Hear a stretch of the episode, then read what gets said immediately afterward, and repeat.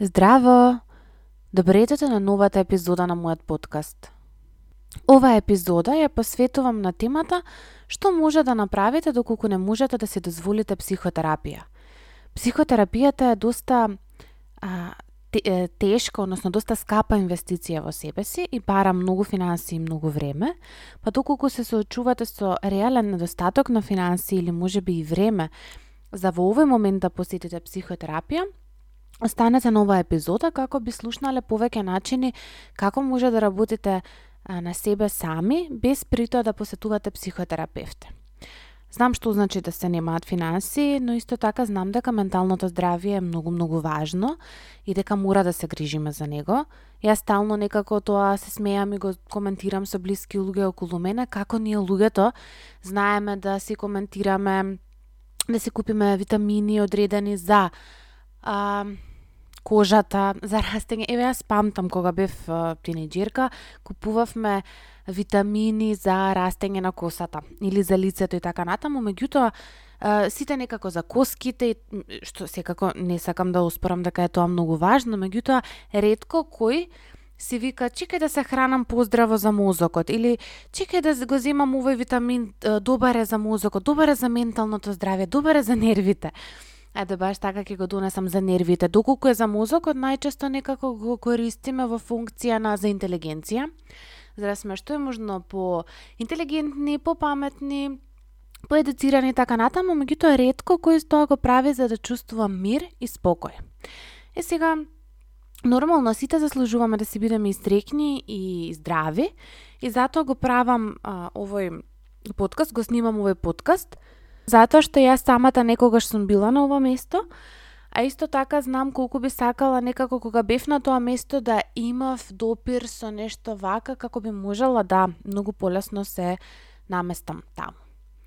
Пред да продолжам, сакам да нагласам дека ова го мислам за луѓе кои што сакаат да работат на себе, кои што сакаат да бидат подобра верзија од себе, а не на оние кои што патат од а, депресија, од анксиозно расстройство, од некои значајни панични напади кои што навистина прават промена во секој невието, во тој случај секако мора, мора да се обратите на психотерапија.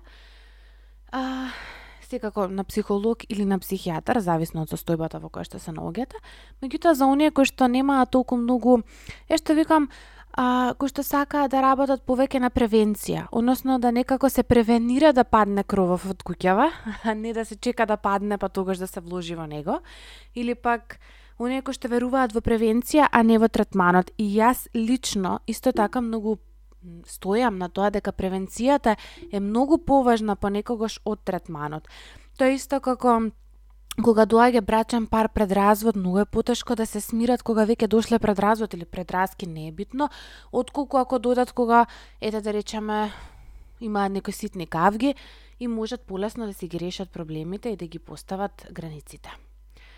Е сега, во нашето општество постои се уште таа стигма дека луѓето кои што одат на психотерапевт се луди или болни, Uh, е секако, јас сметам дека со последниве години тоа не е вистина и дека се почесто луѓе разбираат дека психолозите и психотерапевтите не работат со болни луѓе, туку работат и со нормално, значи има и некои состојби со кои што се работи, меѓутоа се почесто се работи со здрави луѓе, особено нели доколку не станува збор за е, психотерапевтско што работи во болница. Јас не работам во болнички сетинки, јас реално имам контакт 99% со потполно здрави личности кои што работат на себе да бидат подобра верзија од себе.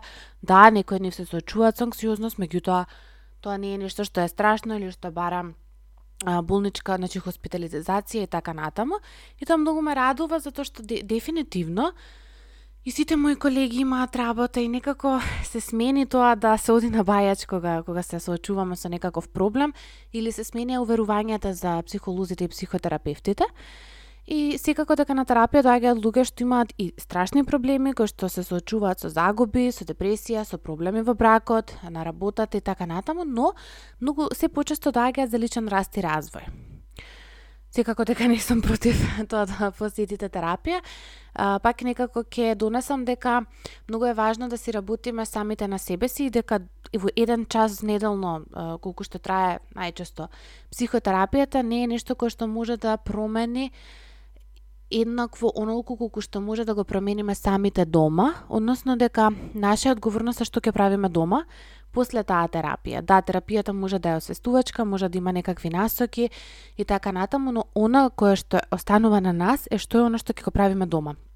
Дефинитивно животот може да биде многу непредвидлив и нормално дека а, посетата на терапија може да биде одлична, но овие сега работи што ги споделувам се нешто доколку во овој момент не можете да посетите, што може да направите.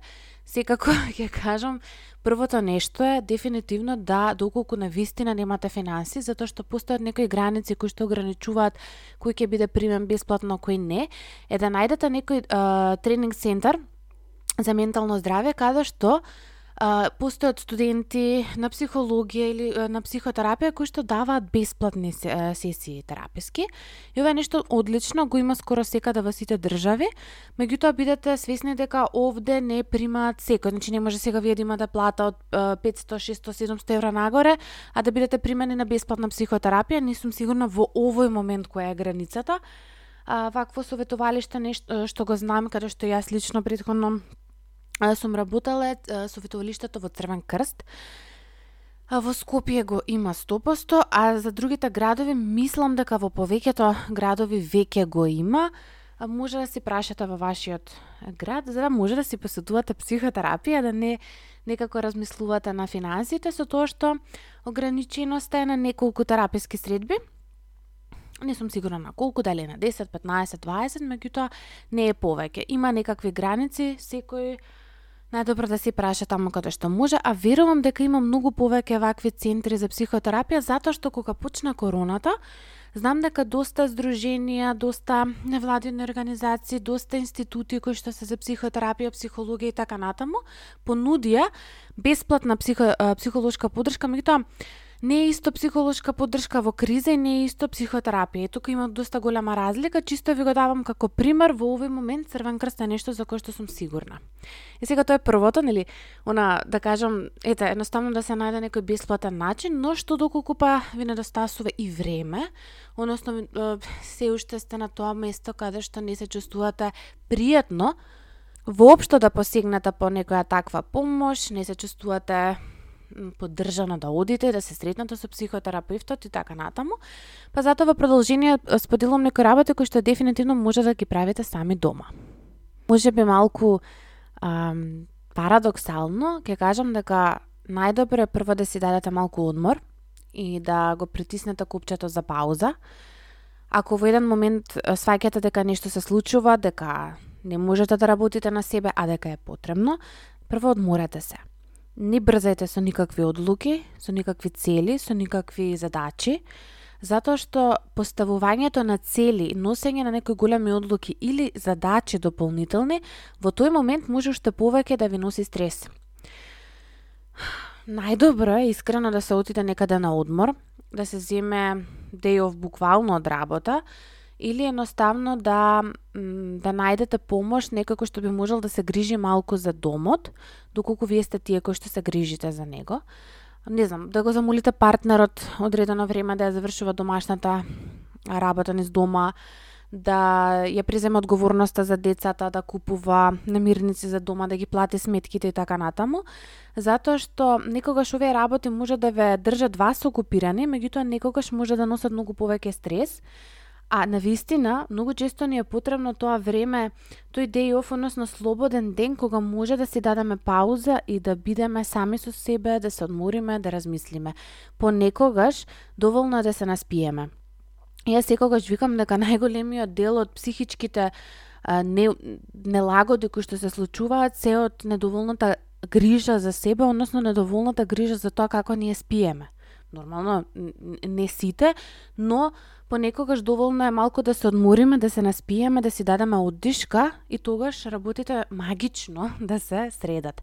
Затоа што уморот и покрај тоа што е нормален, особено, значи јас не ни познавам некако што не почувствувал умор, тоа, то буквално нормално нешто и дури и убаво и пожелно, како би можело телото и да ја има таа потреба од одмор, а не е нешто кое што некако би требало да биде нашата животна патека, односно многу е тешко и лошо кога се заземаме во некое поле каде што постојано сме уморни, каде што постојано имаме недостаток на енергија, тоа веќе е знак дека нешто се случува со нашите лични па и пошироко од лични граници.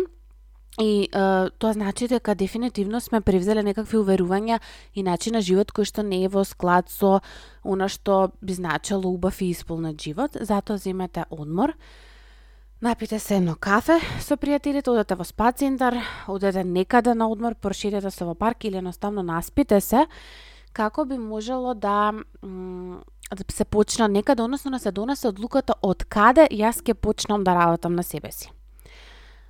Нешто следно кое што го носам, и покрај тоа што малку се коси со предходното, но имајте на ум дека предходното е прво да се одморам, а втората да направите план – Значи, дури и секоја тераписка средба, односно не мора да биде секоја тераписка средба, меѓутоа секој тераписки а, почеток започнува со некаков план, односно со некој договор. Најчесто терапевтот прави анализа и во согласно со клиентот одлучуваат што е она на кое што ќе работат во наредните X, а, во наредниот X период. X сесии, зависи. Тоа е многу индивидуално. На ист начин, најдобро е да се направите и со само терапијата, односно е да се направите план, да направите на кратка анализа и да одлучите што е она на кое што сакате да го ставите фокусот.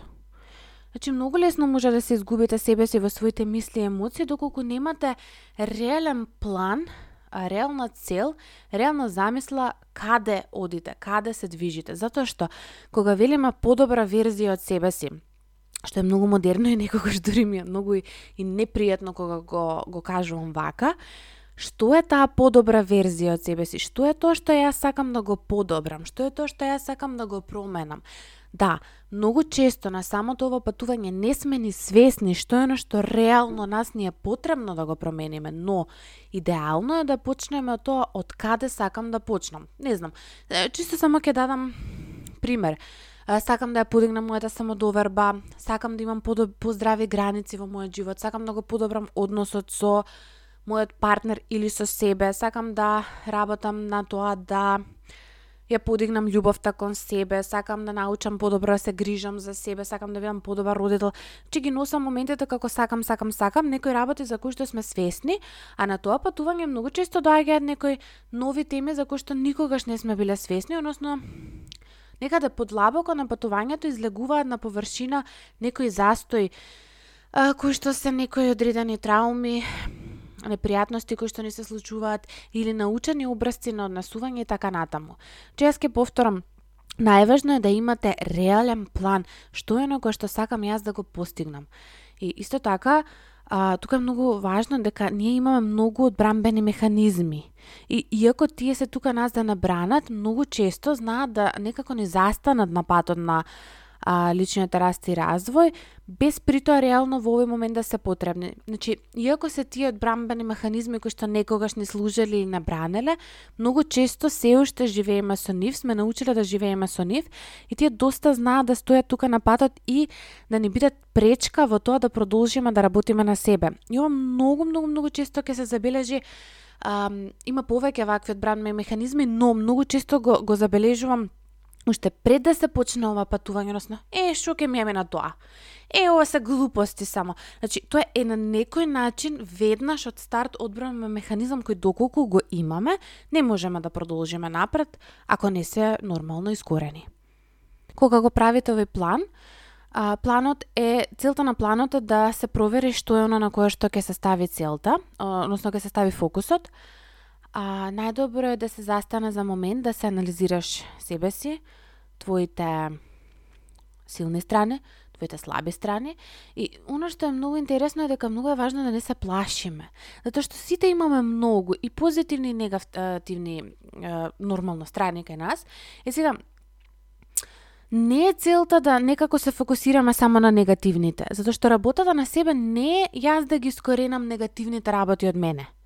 Работата на себе значи да се грижам за позитивните работи кои што јас ги имам, односно да ги освестам моите позитивни капацитети, да работам на нивно зајакнување и да ги освестам нормално и моите ранливости, моите страни, моите по помалку вредни или помалку посакувани страни кај мене, при тоа да ги зајакнам доколку можам или едноставно да ги прифатам дека се тука.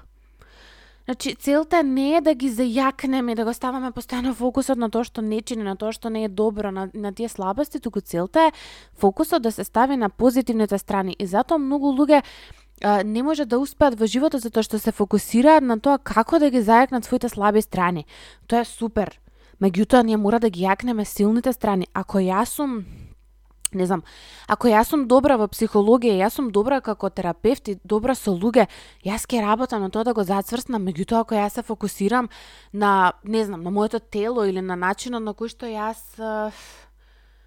родителувам или и така, мислам, без разлика сега во моментов не може да ми дојдат некои примери, но ако јас се фокусирам на сите мои негативни работи кои што јас ги имам, јас нема никогаш во животот да се пројавам, затоа што ги имам многу.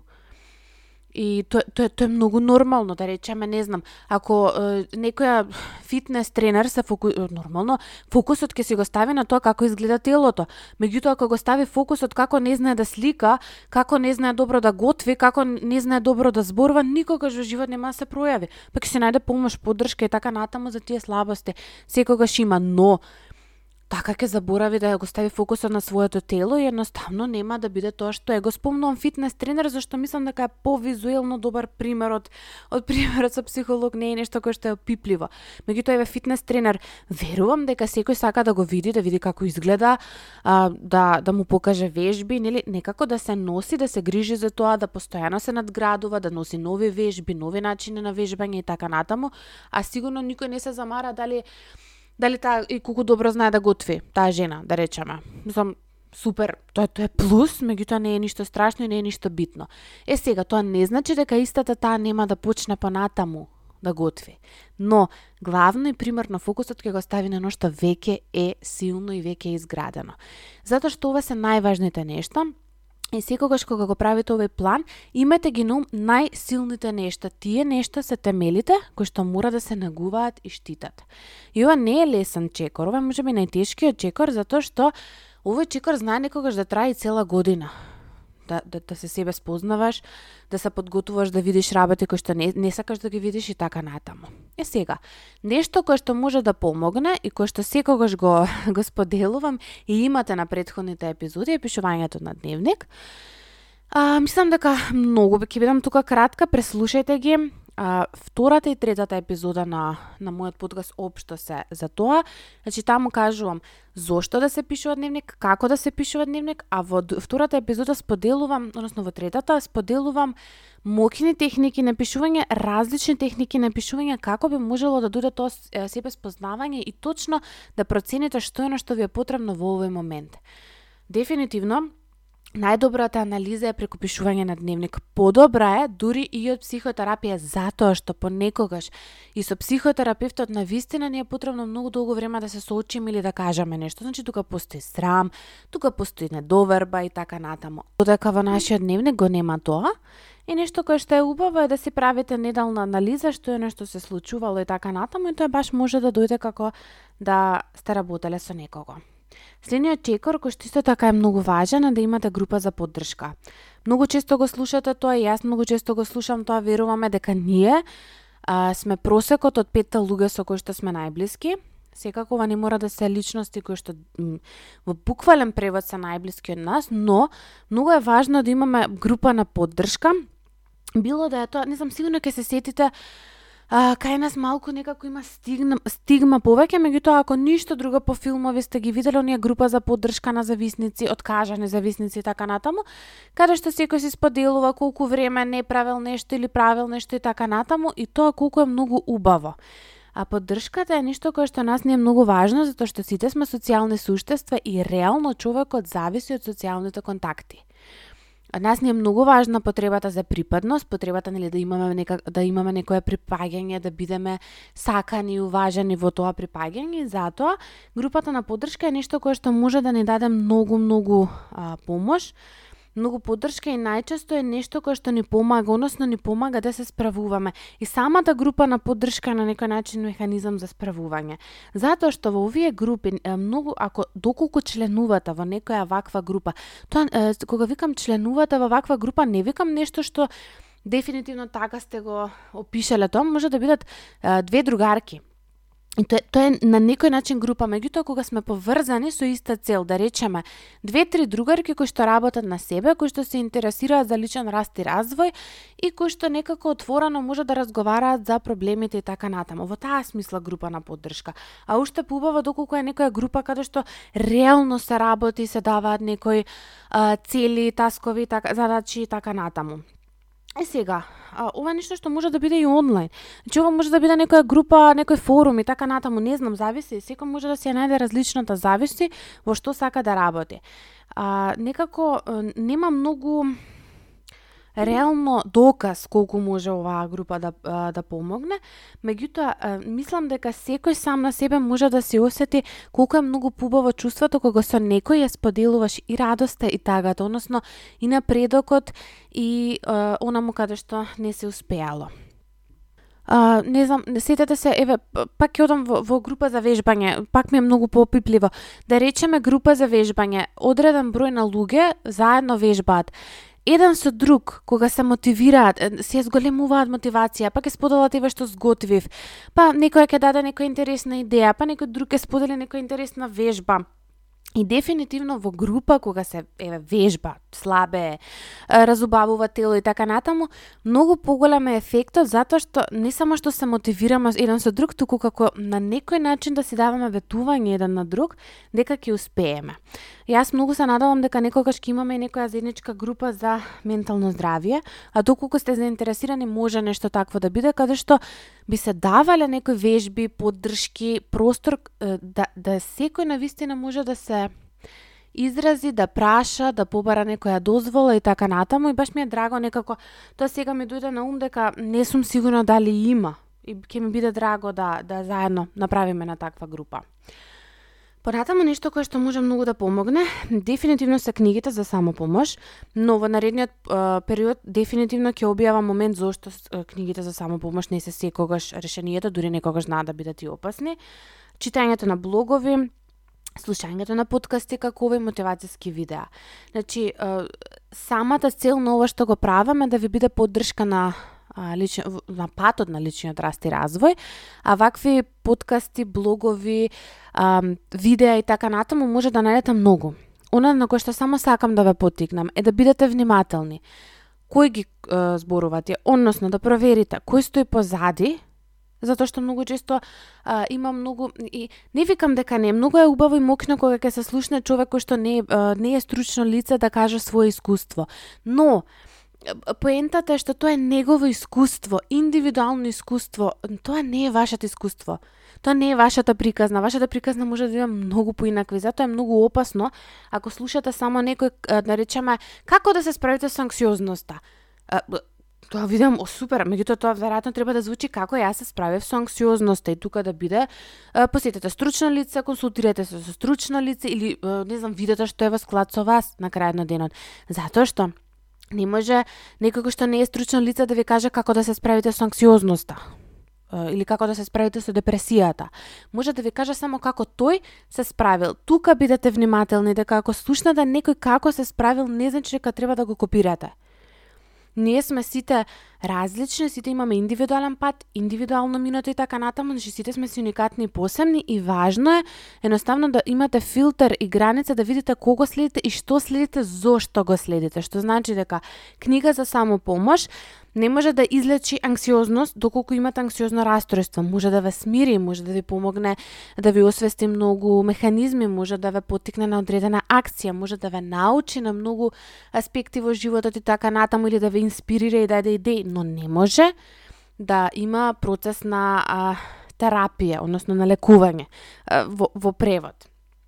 А сега блоговите исто така се одлични, мотивацијските видеа се исто така одлични, понекогаш дури и првиот чекор раскросок е да бидат мотивацијски видеа, не дека мотивацијата кој знае што ќе смени внатре во вас, но доволно е да ви да ви даде волја за да може да почнете од некаде, односно доволно е некако да ви даде волја, аха, оке, јас можам. И секој може, секој заслужува. Тоа е баш оно уверување дали заслужувам или не. А силно верувам дека понекогаш три збора или три реченици во една одредена книга може да го променат е, светогледот потполно. Еве јас се сеќавам и кога сум почнала да учам и кога сум почнала да читам, сега можеби не ми е така затоа што премногу книги поминале лично кај мене, но кога почнував одредени книги кои што ги читав, мене на вистина многу ми го менуваа животот.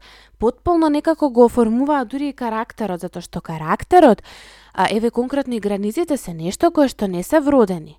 Значи темпераментот нас не е вроден, карактерот а нешто што ние го оформуваме.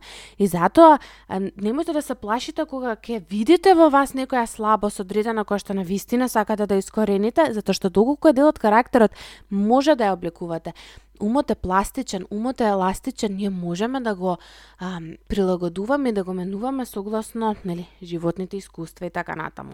И сега, по понекогаш класичната литература да речеме за психологија и така натаму нема мотивацијски дел, туку има само реално нешто што и така што се случува и така натаму, но затоа тука препорачувам да секогаш бидат во пакет малку мотивацијско, малку е, стручно, Идеални се книгите така кои што се напишани од психолози и психотерапевти или психијатри, затоа што се подкрепени со многу истражувања и многу факти.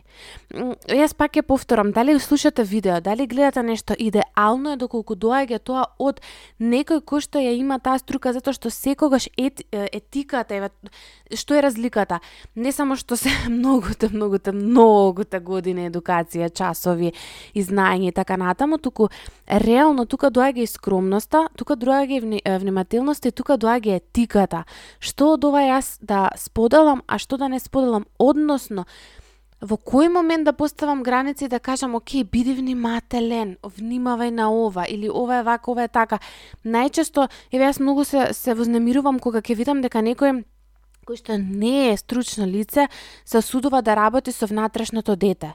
Да, има прекрасна книга за внатрешното дете, јас секогаш викам супер, прочитај ја, нека те поттикне, нека те мотивира, ако некада заглавиш, супер, посети психотерапевт, ќе го обработиш тоа, меѓутоа, темите, особено на психотерапија, кога се работи со внатрешното дете, кога се допира до, до најкревката структура, да, кај човекот дете, дете кој што нема капацитет да се носи, кој што нема таква свесност, кој што е преплавено од емоции, да е работи некој кој што да речеме за, не, не завршил факултет, односно завршил, не знам, две, две недели едукација или неколку часа видеа слушал и така натаму, значи што е многу опасно кај некој може би ќе има оке, ќе се изнаплаче, ќе види што и така натаму ќе продолжи и ќе се ќе им се изналути на родителите, најчесто е тоа така. Кај некој може да толку многу тригерира нешто страшно да после тоа се појави психичка болест и покрај тоа што не била присутна. Да се појави страшна депресија, да се појави некаква психотична манифестација. Значи, конкретно го спомнувам како внимателност. Едно е, јас сум прочитала книга за внатрешно дете, имена книга стварно многу ја сакам и е прекрасна и ја препорачувам. Меѓутоа друга е, јас сум отишла кај кај Столе и Столе завршил курс за лечење на внатрешно дете, а Столе патеме, не знам, информатичар, сега измислувам нешто. Ка, значи не може, едноставно тоа е тоа не е етички. Е психологот и психотерапевтот и психијатарот секако ќе го имаат тој етички момент во позадина и нема да земат залог кој што е поголем од тоа што го можат, односно ќе бидат скромни. И нема да прават големи промени веднаш. Е тоа е нешто кое што е многу важно да знаете, бидете и вие скромни. Не е поентата да за една недела се промени личноста, не знам, има кој знае какви промени така натаму. Чекор по чекор, малку по малку, затоа што најголемите промени, најбавите промени се оние кои што се презимаат со мали чекори, а реално секој мал чекор ќе донесе понатаму после одреден поголем период поголема промена.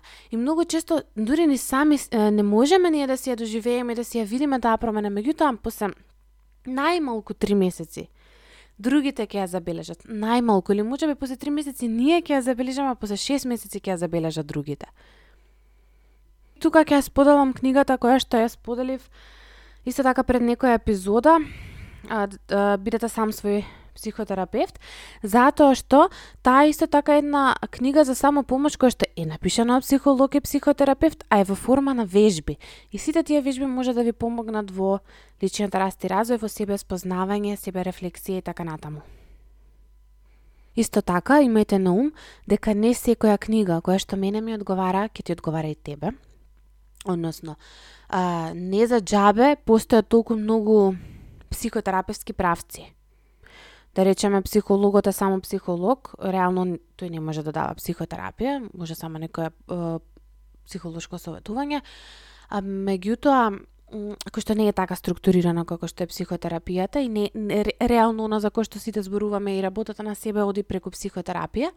Е сега, а, зошто постојат толку многу правци? Затоа што едноставно не секој правец е за секого.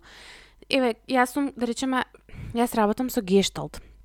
За мене гешталтот бил нешто што ме променило. Некој работи со трансакцијска анализа. За него, за него трансакцијска анализа е тоа што му одговарало некој работи со системски семена психотерапија. Тоа е тоа што му одговарало. Некој работи со когнитив бихевиорална. Значи, секој од нас е индивидуален и различно нешто ќе му помогне, па дури и во различен период од животот различно нешто ќе му е потребно.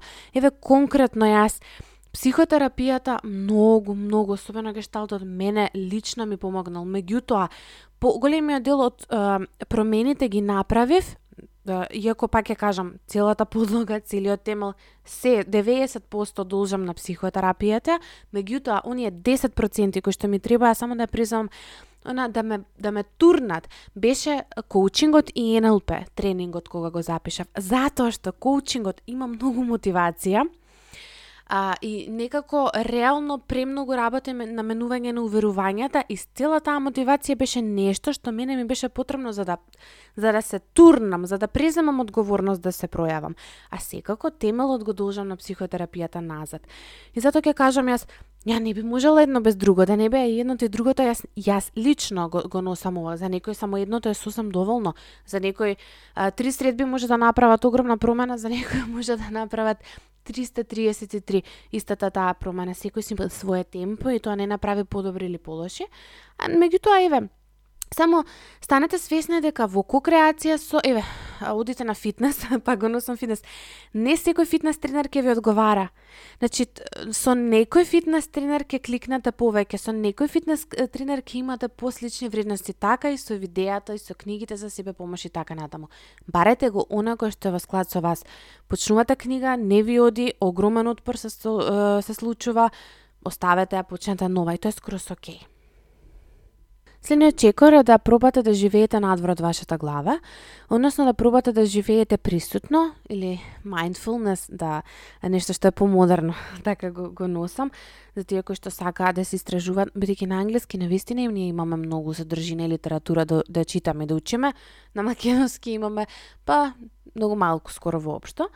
А, што, што значи да се живее надвор од нашата глава? Имам исто така тука епизода. Значи, ова само го, ги нафрлам работите, имате епизода за како исто во ова видео, односно оваа епизода не би требала многу, многу долго.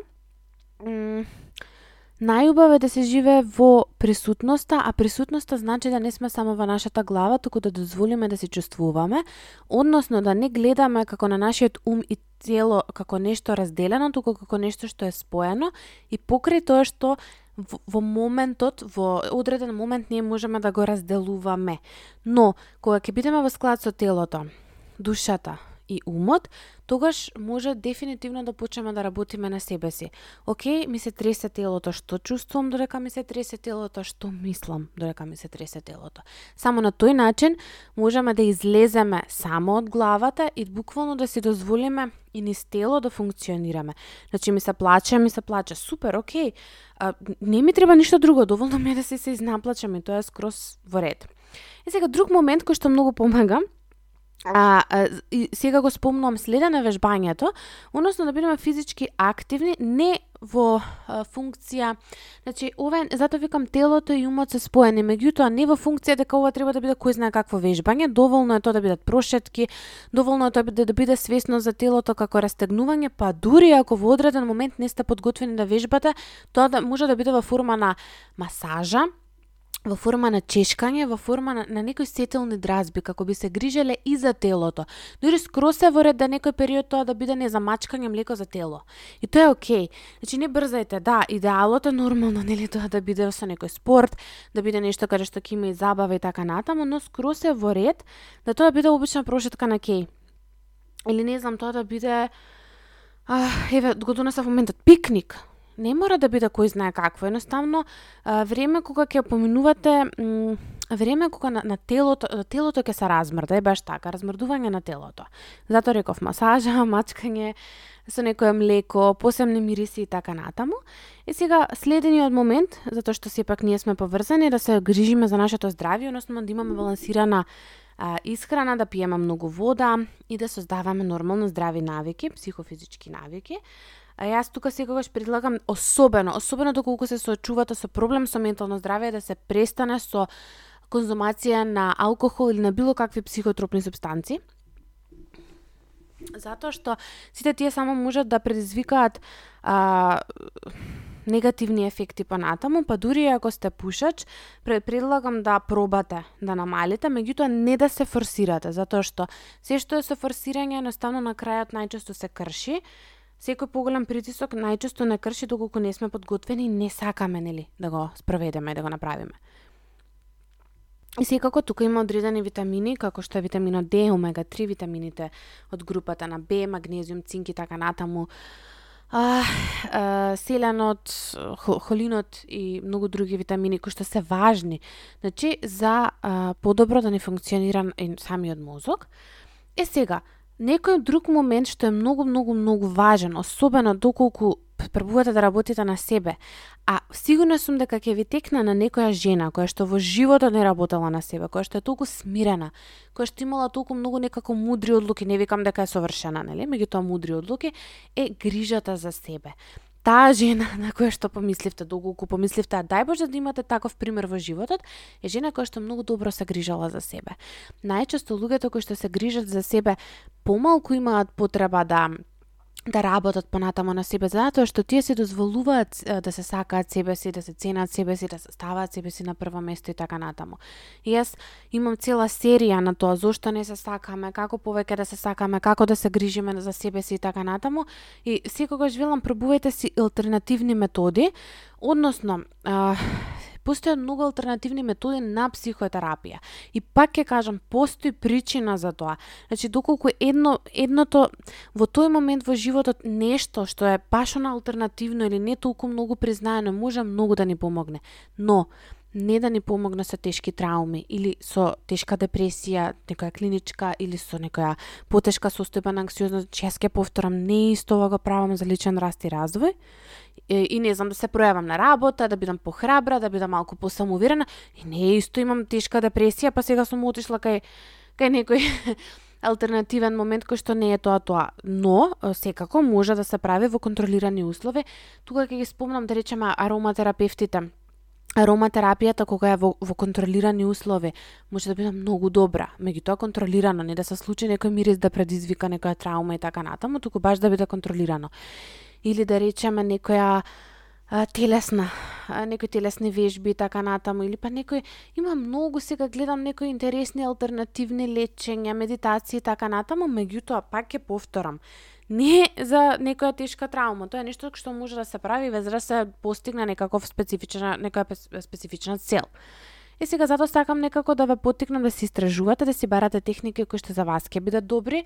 Ако за мене е добра медитација, за тебе може не е добра медитација, тоа често го спомнувам затоа што ние многу често сакаме да ги имитираме другите и мислиме дека, окей, ако а, стој направи така, значи јас треба да правам така. Не, Стој направи така затоа што тоа е најдобро за неа. Јас ќе повторам, ако стој настанува во 5, не значи дека треба и ти да стануваш во 5, можеби ти треба да стануваш во 8, Затоа што во овој момент тука и сега тебе ти се потребни повеќе часа, часови сон, работиш до подоцна, се трошиш повеќе, не знам, бремена си, се случуваш со одредена состојба, болест и така натаму, секогаш, секогаш мораме да имаме на ум дека ние никогаш не можеме да бидеме како другите.